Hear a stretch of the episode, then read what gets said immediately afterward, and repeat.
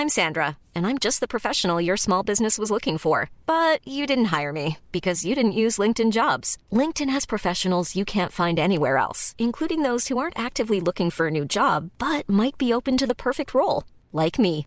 In a given month, over 70% of LinkedIn users don't visit other leading job sites. So if you're not looking on LinkedIn, you'll miss out on great candidates like Sandra. Start hiring professionals like a professional. Post your free job on linkedin.com/people today.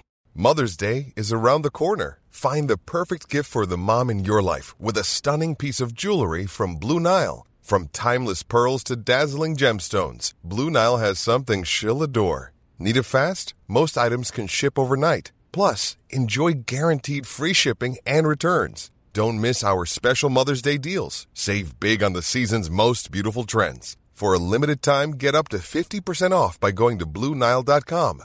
That's BlueNile.com. April is the month of the military child. Come celebrate at the National Museum of the United States Army, where they tell the story of Army children all year long. Their Growing Up Army exhibit features Army kids sharing their adventures about Army life, and their Brats to Boots interactive introduces visitors to kids who grew up in Army families and chose to serve as soldiers too. Come celebrate Army kids at the National Army Museum, just off I 95 in Alexandria, Virginia. Plan your free visit at usarmymuseum.org. مرحبا أنا رنا داوود وهيدا بودكاست دمتك. عم ننشر هاي الحلقة الخاصة من دمتك بالتزامن مع حملة ال 16 يوم لمناهضة العنف المبني على النوع الاجتماعي. عم نحكي عن العنف بكل أشكاله الواضحة والمبطنة واللي بتعاني منه النساء غالبا بسياق أسري ومجتمعي.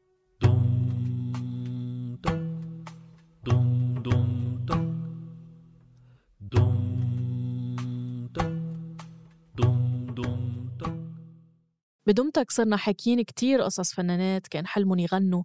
لكن بطريقهم وقفت العيلة أو الشريك أو الشركات. تعذبوا جسديا ونفسيا فقط لأنه النساء حبوا يخرجوا عن قوالب فرضها المجتمع. وبرغم شهرتهم أو نجاحهم الفني ومواهبهم الواسعة بيوتهم كتمت معاناة. قصة اليوم لشخصية غالبا بتعرفوها بالصوت ويمكن بالشكل. بس يمكن ما بتعرفوا قدر معاناتها مع العبء النفسي اللي حملته من صغرها وعاش معها لحد ما قضى عليها. بترككن مع قصة داليدا حكاية الفنانة داليدا مع مصر والحنين للوطن والشعور بالانتماء طويلة معقدة. غنت لها حلوة يا بلدي. كلمة حلوة حلوة يا بلدي. غنوة حلوة وغنوتين. حلوة يا بلدي. وصدقنا مشاعرها.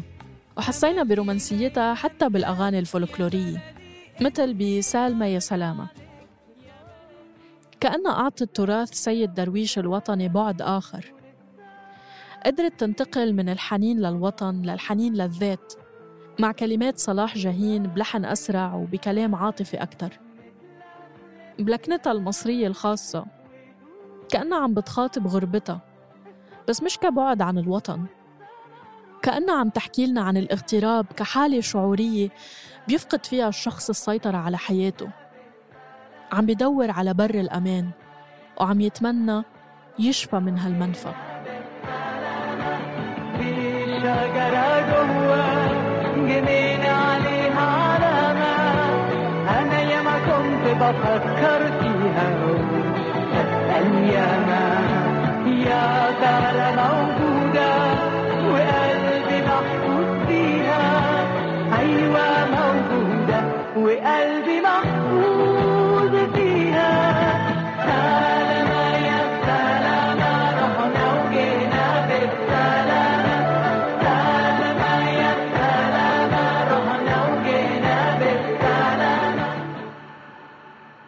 سيرة داليدا بلشت تنكتب بسنة 1933 انولدت بمصر لأبوين إيطاليين. هاجروا على مصر بحثاً عن حياة أفضل. عاشت داليدا بمصر لحد ما صار عمرها 22 سنة. هالسنين كانت كافية إنها تحطها على طريق النجومية. من أول ما بدأت ككومبارس صامت بأفلام مثل غزل البنات لحد ما فازت بجائزة ملكة جمال مصر مرورا بمشاركتها بفيلم سيجارة وكاس بدور الممرضة يولاندا اللي هو اسم داليدا الحقيقي يولاندا جليوتي وبعدين بسبب الشبه بينه وبين شخصية دليلة بفيلم شمشون ودليلة المشهورة وقتها بمصر سموها دليلة كله قبل ما تسافر على باريس بحثا عن شهرة أكبر وعالمية مش رح تقدر توصلها لو بقيت بمصر. وبفرنسا غيرت اسمها وصارت notte l'ombra silenziosa si unisce così, tra le labbra c'è la tesa, un bacio così, anche l'anima più può farci sentire la parola che può fare.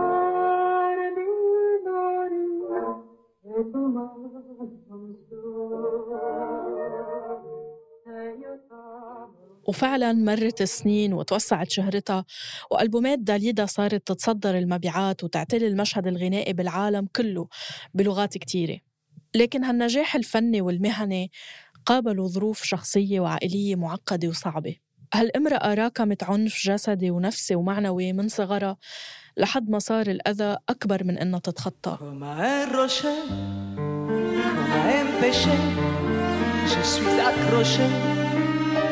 Je suis fatiguée, je suis épuisée de faire semblant d'être heureuse quand ils sont là. بداية عانت من مشاكل بعيونها من هي وعمرها عشر شهور. خلتها تخضع لأكثر من عملية بسن صغير. بوحدة من العمليات بتضطر تضمد عيونها لمدة 40 يوم. والدها اللي كان عازف كمانجا بالأوبرا المصرية هو اللي هون عليها هالوقت كان بيلعب لها على الكمانجا كل يوم لحد ما تنام. وقفت أسرتها الإيطالية المحافظة ضد خروجها واحتكاكها بالناس. كانت تضطر تروح على الكنيسة عشان هو كان المكان الوحيد اللي بيسمحوا لها تروح عليه. وهي كانت تستغله عشان تقابل أصحابها. درست داليدا بمدرسة راهبات كاثوليكية بشبرا. بتقول عنها بزيارتها بعدين لما كبرت إنه بالمدرسة كان في التزام وتشدد كبير. هي مش ضد التدين عموما بس ممارسات المدرسة أشعرتها بالذنب من تصرفات طبيعية وبديهية بطفولتها وضل هالشعور مصاحبها فترة كبيرة من حياتها يمكن هالذنب ناتج عن التعنيف بحجة التأديب مثل لما منصير نقنع حالنا إنه نحن السبب لأنه صعب علينا نتقبل العنف من اللي مفروض يحمونا Oui, c'est l'école de Maria Ausiliatrice. Elle existe toujours, comme vous voyez. مع بداية الحرب العالمية الثانية وهي بعمر السبع سنين بس. يرحل والدها مثل كتير من الإيطاليين بمصر بوقتها على معتقل بفايد. مصر وقتها كانت بالمعسكر البريطاني. على عكس إيطاليا ورجع والدها من المعتقل شخص جديد. قاسي عليها وعلى والدتها. هالتزمت والعنف خليها تقول إنها كانت بتكره والدها لدرجة إنها كانت بتتمنى يموت. وفعلا مات بعدها بسنة وبقيت مع شعور تاني بالذنب وكأنه أمنيتها سببت بموته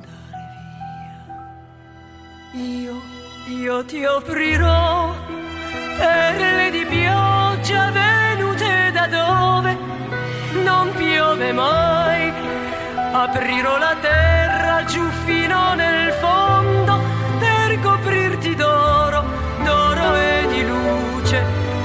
ti porterò dove non c'è più che quel che tu vuoi, che quel che tu cerchi, non andare via, non andare via, non andare via, non andare via.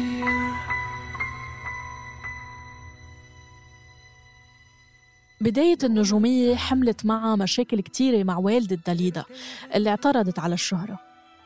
داليدا قدمت وكسبت بمسابقة ملكة جمال محلية بمصر مس أوندين. وهالشي كان بدون علم الأم لأنها ما كانت موافقة. وفعلا لما عرفت بخبر الفوز تضايقت من المشاركة. وكمان وقفت ضدها بسفرها لباريس. لكن داليدا كانت مصممة. وكان عندها إصرار رح نلاقيه بيتكرر بعدين بحياتها. وبباريس كان مستنيها مغامرات كتيرة وقصص حب ومآسي أكتر. بتتعرف على لوسيان موريس من إذاعة أوروب آن الفرنسية ساعدها من خلال علاقاته عشان تنتج أول أغنية بتحقق نجاح وهي بامبينو أو طفل بالإيطالية. هالأغنية بتضل الأكثر استماعاً بفرنسا 39 أسبوع متتالي وهيدا كان رقم قياسي بوقتها. داليدا ولوسيان حبوا بعض وتجوزوا بعد علاقة دامت ست سنين. لكن شهور قليلة بعد الزواج الرسمي بتقرر إنه هو مش حب حياتها وبتطلق منه عكس ما كان ظاهر من جمال علاقتهم للمحيطين. Ce n'est pas ça qui dans son cœur te vieillira L'amour et la jalousie. Ne sont pas des jeux d'enfants. Et tu as toute la vie. Pour souffrir comme elle est grande بعد هيك بتقابل لويجي تانكو وبتنغرم فيه. لويجي كان مطرب إيطالي لسه ببداية طريقه الفني. بتساعده داليدا وبتغني معه الأغنية اللي بقدمها بمهرجان سان ريمو. بيتضمن مسابقة موسيقية. لكن أغنيته بتفشل. فبيعتذر من العشاء وبيغادر لوحده بكير. لما بتروح داليدا تشوفه بتدخل عليه على الغرفة وبتكتشف إنه أطلق على نفسه رصاصة براسه وتارك رسالة ضد اللجنة اللي رفضت أغنيته. انتحار لويجي وكونه أول من اكتشف موته كانت صدمة تقيلة على داليدا مش سهل تشهد على حادث عنيف هالقد. حالتها النفسية تدهورت بس كانت بتحاول تتظاهر بالقوة. لدرجة أنه بعد الحادثة بثلاث أسابيع تطلع على المسرح وبتغني نفس الأغنية تشاو أموري أو وداعا حبيبي وبتلبس نفس الفستان اللي لبسته بالمهرجان.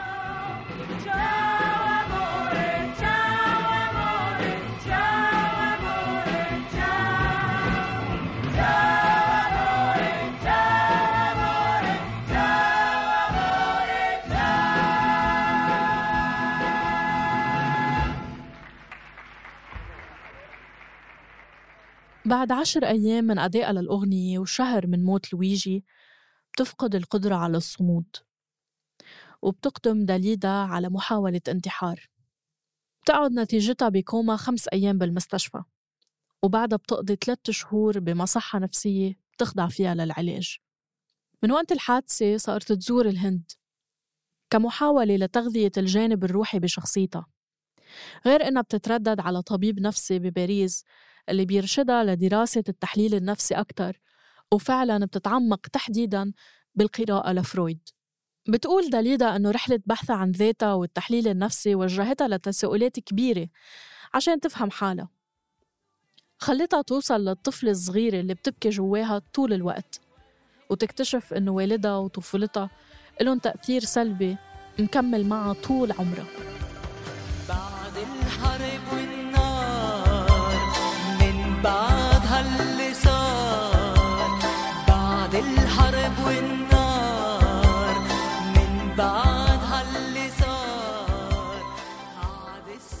يا دوب داليدا فاقت من الأزمة اللي اختفت فيها عن الساحة فترة. بعد ثلاث سنين من انتحار لويجي بيوصلها كمان خبر إنه زوجها الأول لوسيان انتحر. شهور قليلة بعدها وبتموت أمها. وكأنه الظروف توحدت ضدها. بس داليدا وكعادتها كملت. وكانت بتواجه الظروف الصعبة هاي بأنها ترمي نفسها أكتر بأغانيها وشغلها وأعمالها الفنية. بعد كل هالأحداث القاسية والعنيفة انسألت بمقابلة عن لو كانت مسيرتها كفنانة ونجاحها أثر على حياتها الشخصية. بتقول إنها غير نادمة لأنه خياراتها منفصلة عن مسيرتها كمطربة وإنها يمكن أحيانا ضحت بحياتها الشخصية بسبيل مسيرتها الفنية ولكن العكس برضه حصل وهيدا برأيها طبيعي. كمان بتسأل عن سعادتها بغض النظر عن النجاح الفني. فبتكون إجابتها إنها شايفة حياتها مثل فصول السنة وإنه الأربع سنين الأخيرة يعني من وقت محاولة انتحارها كانت مثل الشتاء تبعها وهي مقدمة على الربيع ورح تتألق أكتر كمان. لكن خياراتها الفنية بهالفترة كانت عم بتقول العكس. أغاني أخذت طابع حزين أكثر من قبل.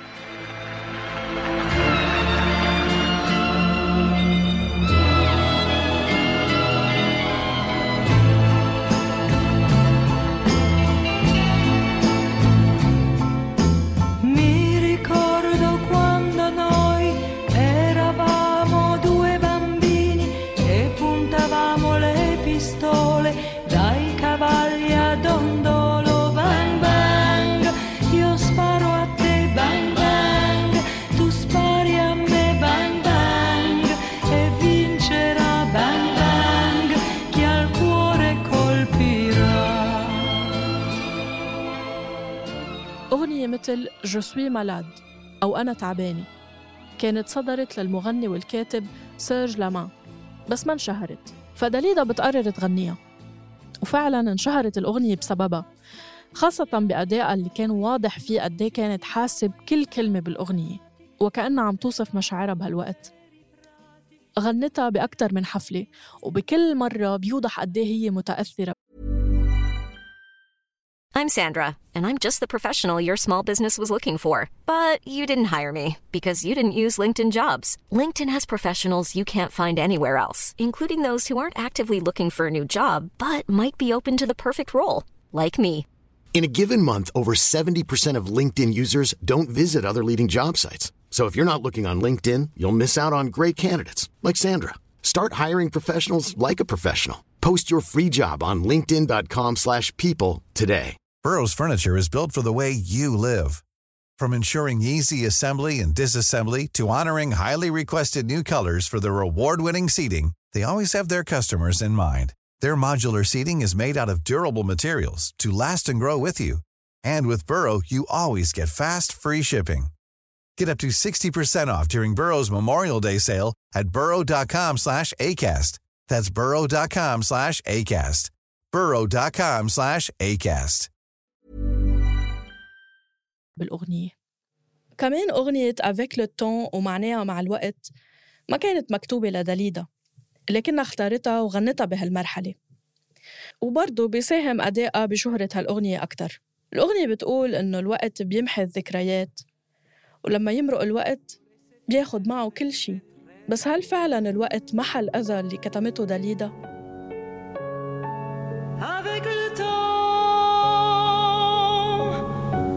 Love.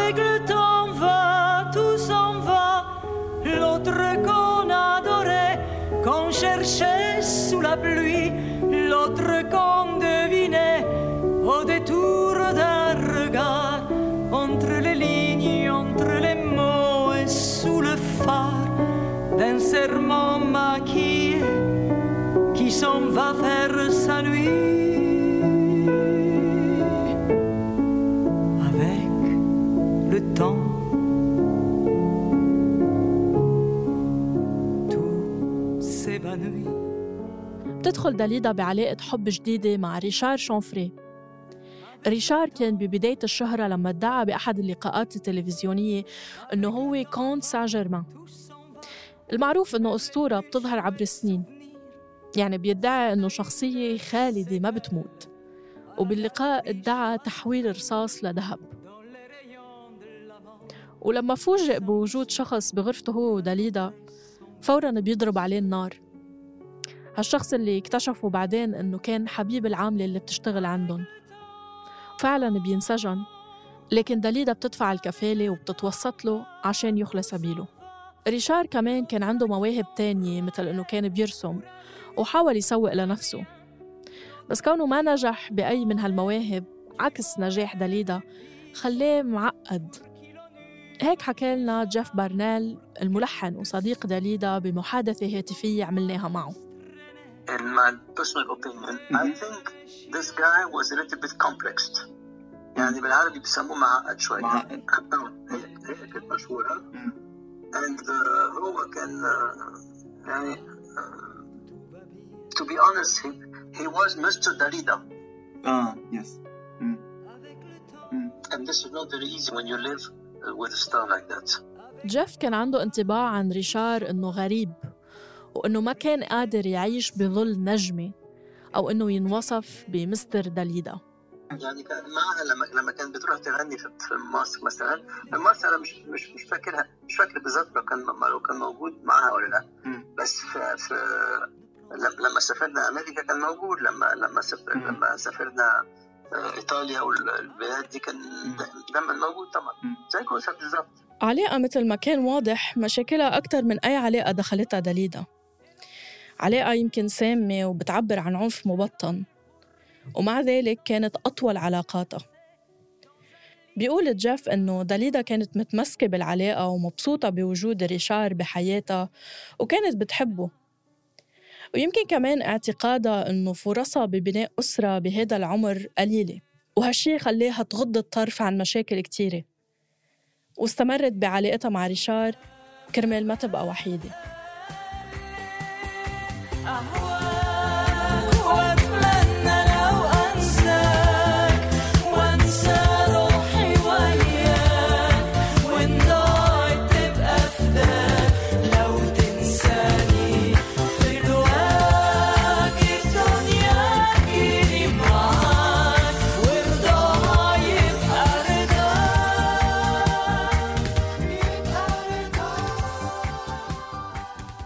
بسنة 1976 بتزور داليدا مصر برحلة كانت ضمن مشروع فيلم قصير عن حياتها. بترجع لبداياتها وبتزور بيت أهلها ومدرستها بشبرا. ومن خلال الزيارة كمان بتروح على قبر بيا. وبتكون هيدي لحظة التصالح مع موت بيا. بتقول إنه لما تمنت موته هالشي كان نابع من حبها إله. وإنه كان نفسها يرجع مثل ما كان قبل ما يترحل. بيحكي لنا الصديق جيف عن مفاجأة وانبهار داليدا بحب الناس إلها بمصر اللي كان واضح بالأعداد اللي استقبلتها بالزيارة أو اللي قدرت توصل على حفلاتها بالقاهرة وباسكندرية. وكمان بلبنان أقامت حفلات لسنين متتالية على مسرح البيكاديلي ببيروت. الشعبية اللي تفاجأت فيها بمصر ولبنان والدول العربية التانية شجعتها أنها توسع مكتبة أغانيها بالعربي. وفعلا بتزيد شعبيتها بالدول العربية لما بتصدر أغاني بالعربي. وبتغني أغنية خاصة بلبنان اسمها لبنان ووحدة عن مصر اسمها أحسن ناس.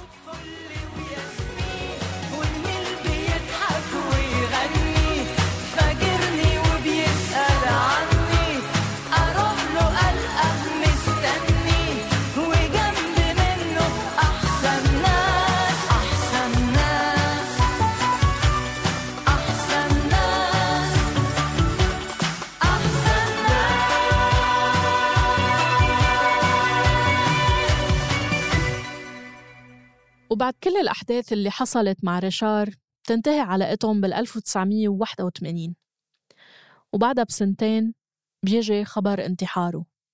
من وقتها بتدخل داليدا بحالة اكتئاب واضح للمحيطين فيها. وحتى هالشي بيظهر بأدائها على المسرح. وكأنها مش بنفس الروح. بنفس السنة بال 1983 بتغني داليدا موغيغ سور سان واللي بتحكي قصة مطرب بخاطب الموت وبقول له مثل ما أنا اخترت حياتي بدي أختار موتي وأنا اخترت موت على المسرح. الأغنية ما كانتش مكتوبة أصلا لداليدا بيحكي لنا ملحن الأغنية جيف إنه طلب من أورلاندو أخوها ومدير أعمالها لداليدا أنها تغنيها. أورلاندو رفض بس داليدا لما جربت تسجلها حبتها وقررت تغنيها. بلقاء طويل مع الجمهور بعد سنتين بتنسأل عن هالأغنية. وبتنسأل إذا هي كانت ترجمة لأفكارها ولا إنها مجرد كلام فبتقول إنه هي كمطربة لو عندها الاختيار فطبعا أحسن مكان تحب تنهي حياتها فيه حيكون وسط الجماهير على المسرح Je vous en prie, monsieur. Bonsoir Dalida, bonsoir Patrick. Bonsoir. Monsieur Castano-André de Valenton. Voilà ma question. Il y a une chanson qui s'intitule Mourir sur scène. Oui. Est-ce que vous pensez اللقاء كان ضمن برنامج اسمه لعبة الحقيقة. عبارة عن أسئلة مباشرة من الجمهور وكان في أكثر من سؤال صعب. مش واضح ليه شخص بحالة نفسية هشة اللي حواليه بيسمحوا له يمر بهالتجربة ويسلطوا الضوء على هالهشاشة. مثلا وحدة من الجمهور بتسألها بغض النظر عن نجاحها الفني هل بتعتبر نفسها ناجحة بحياتها الشخصية بدون زوج وبدون ما تصير أم؟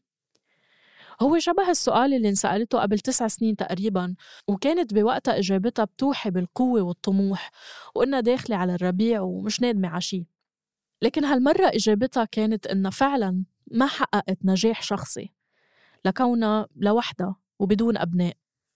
وبتحكي عن عملية جراحية عملتها لما كانت قادرة على الإنجاب بس اختارت ما تنجب عشان تركز على مسيرتها. وهالعملية كانت سبب بيمنعها من الإنجاب للأبد.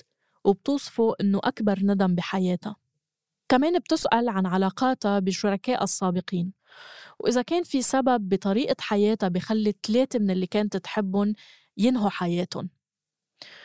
وانسألت إذا كانت بتوافق على وصفها بالمرأة القاتلة أو فم فتال سؤال مزعج جدا لدرجة أنه مقدم البرنامج حاول يقاطع السائل ويعفي داليدا من الرد عليه. لكن هي بتصمم ترد. وبتشرح أنها غير مسؤولة عن انتحارهم وأنه اثنين منهم كانوا بعلاقات تانية وقت موتهم. وبتحكي أنها حزنت كتير عليهم. كان واضح جدا انزعاجها من السؤال ومن أنها توصف بهالشكل من الجمهور. خصوصا أنها كانت فعلا عم بتصارع هالأفكار.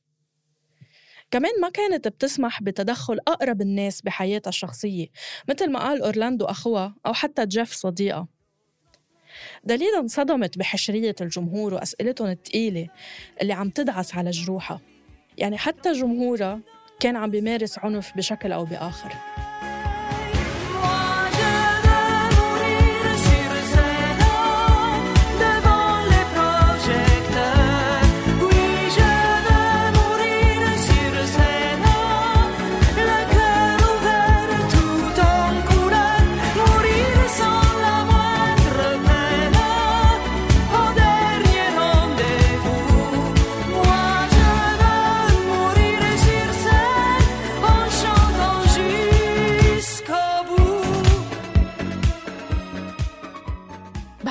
تكررت زياراتها على مصر وكمان زيارات يوسف شاهين لباريس. وكان بكل زيارة يوسف شاهين بحاول يقنعها بفكرة مشروع فيلم بيشتغلوه سوا. تكون داليدا بطلته. وفعلا ب 86 بتقوم داليدا ببطولة فيلم اليوم السادس مع يوسف شاهين. الفيلم لاقى إقبال كبير من الجماهير بمصر على عكس النقاد اللي ما عجبهم توظيف يوسف شاهين لداليدا بدور البطولة. دور صديقة.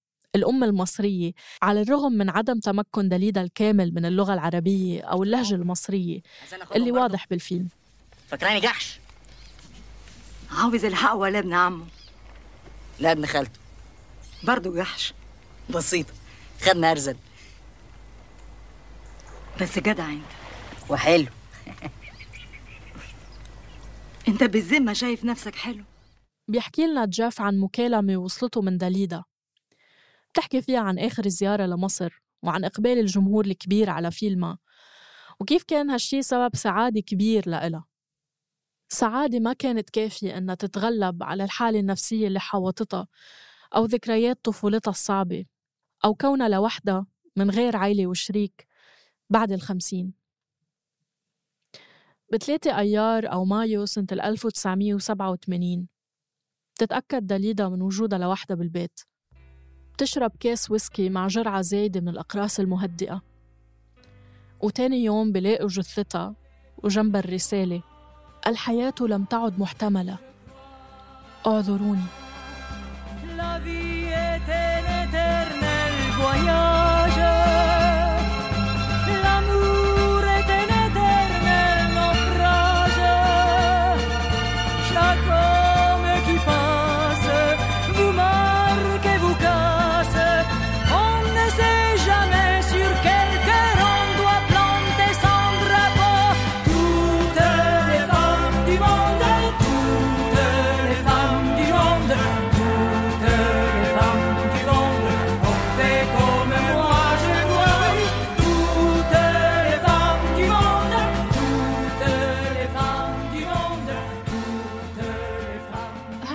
من دمتك بحث وكتابة عمرو عادل. تحرير وتقديم رنا داوود وتصميم الصوت تيسير قباني. النشر والتواصل مرام النبالي. شكر خاص لصديق داليدا جيف بارنيل اللي أعطانا من وقته للحديث عن حياتها وزودنا ببعض المعلومات. وبتمنى منكم تعذروا لهجتي الفرنسية المتواضعة. بحب ذكركم أنه هاي الحلقة نشرت بإطار حملة ال 16 يوم لمناهضة العنف المبني على النوع الاجتماعي.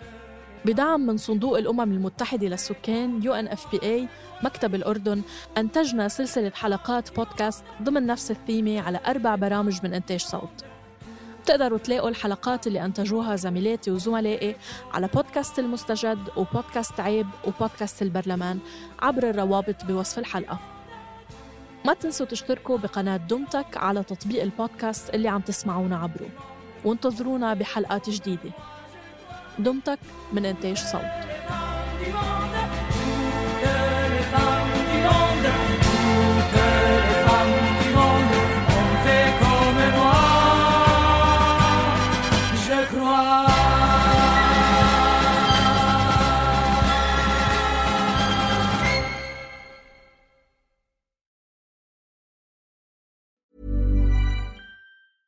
Even when we're on a budget, we still deserve nice things. Quince is a place to scoop up stunning high-end goods for 50 to 80% less than similar brands. They have buttery soft cashmere sweaters starting at $50, luxurious Italian leather bags, and so much more. Plus, Quince only works with factories that use safe, ethical, and responsible manufacturing. Get the high-end goods you'll love without the high price tag with Quince. Go to quince.com/style for free shipping and 365-day returns.